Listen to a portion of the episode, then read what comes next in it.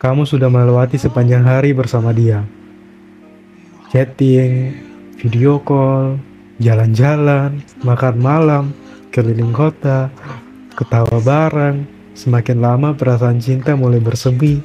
Kamu yakin kalau dia satu-satunya orang yang Tuhan kirimkan kepada kamu. Padahal kamu sudah bersiap membuka diri, menerima orang baru di hati kamu.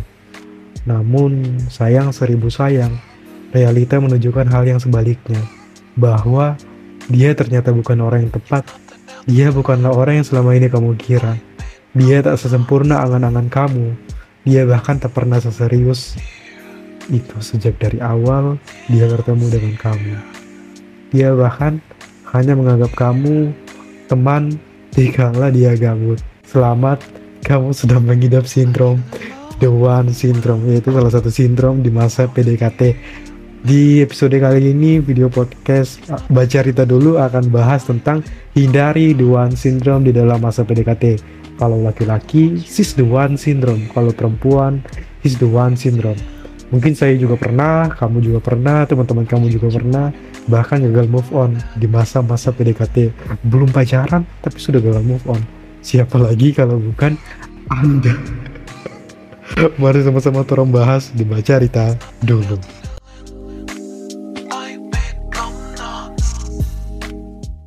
Oke, jadi teman-teman beberapa hari lalu nih ada teman saya curhat tentang salah satu kisah percintaannya. Jadi dia baru PDKT sekitaran beberapa minggu dengan seseorang perempuan, tapi tiba-tiba hilang begitu saja. Padahal dia sudah berpikir ini, berpikir itu. Dia minta pendapat ke saya, tapi dia minta pendapat ke orang yang salah. Saya juga kan tidak pakar akan hal-hal tersebut bahkan saya juga sekarang tidak ada pasangan tidak ada pendamping. Jadi mau tidak mau saya cari Google dan saya baru tahu kalau ada sindrom di PDKT maupun pacaran yang namanya the one syndrome atau dialah satu-satunya. Jadi kalau dia mengidap mungkin saja dia mengidap sindrom sis the one teman saya ini. Dia mengidap di sindrom sis the one STO kalau dia perempuan, mungkin dia mengidap sindrom HTO. Is the one. Ya, mungkin teman-teman juga belum pernah dengar. Ini juga masih kalimat-kalimat asing, istilah-istilah asing. Kenapa? Akhir-akhir ini tuh semakin banyak istilah-istilah asing. Jadi kata teman saya begini, dia pasangan calon pasangan dia itu sangat memenuhi DP kriteria secara akademis, badannya juga bagus, tingginya juga bagus, dan juga teman saya ini dia suka yang agak tinggi tapi tidak lebih tinggi dari dia. Pokoknya perempuannya dia dekati nih sangat-sangat menurut tipenya sekali nih. Dia juga pintar, perempuan itu juga pintar masak, pintar bernyanyi, perhatian, pengertian dan sebagainya. Menurut teman saya ini sangat ideal baginya dan teman saya juga bilang dia berbeda, dia langka dan dia the one and only untuk teman saya. Dan karena hal tersebut saya pun searching di Google apa ini solusi yang harus saya berikan dan saya mendapat itu sindrom sis the one only. Dia kan teman saya kan sudah berpikir kalau dia kan berakhir dengan pacaran dan pencarian dia sudah berakhir. Tapi kenyataannya berkata lain kalau di akhir cerita dia cuma menahan rasa kecewa. Ya, palingan dia cuma melihat punggung belakang perempuan itu sama dengan lagu Tulus Sewin Engkau lupakan aku. Engkau Semua usahaku Semua pagi kita Semua malam kita. Semua kita. Ya memang terlihat lebay Terdengar lebay Tapi kan Untuk yang mengalami sindrom ini Pasti sangat menyiksa ya. Mungkin bagi kita yang berpikir jernih Atau berada di luar orang tersebut Melihat dia Bisa menertawakan dia. Tapi kalau dia yang mengalami kasihan nih. Mungkin dia baru bertemu satu hari dua hari tiba-tiba move on dari pertemuan itu berbulan-bulan ataupun dia cuma dekat orang selama empat minggu satu bulan tapi move on dari orang tersebut lama sekali.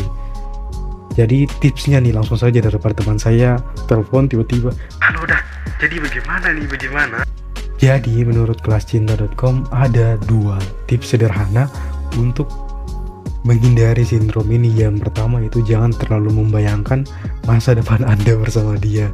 Seperti nanti akan jalan-jalan ke mana nanti panggilan sayangnya apa kemudian nanti mau bangun tidur dia jam berapa chattingnya apa. Ya padahal ternyata pacaran aja belum itu. Yang kedua nih jangan ngarep ngarep menyebabkan anda berdulis berdelusi dan imajinasi ngarep akan membuat anda semakin jatuh ke dia dan juga imajinasi anda tentang dirinya dan masa depan yang belum tentu kesampaian tuh akan semakin tenggelam Anda di dalam imajinasi Anda sendiri.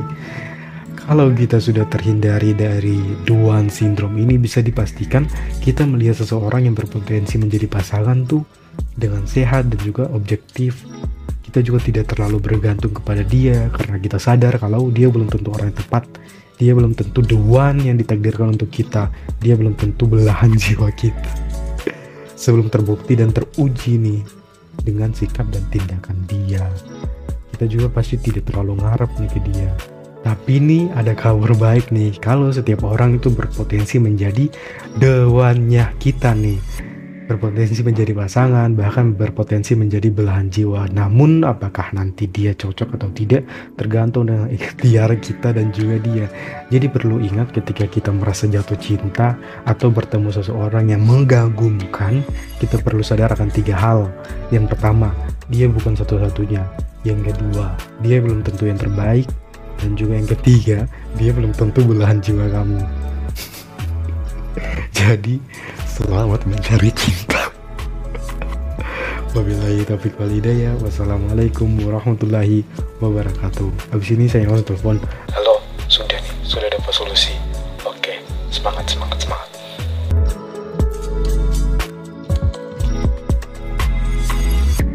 Dan juga imajinasinya Ima, ima, ima,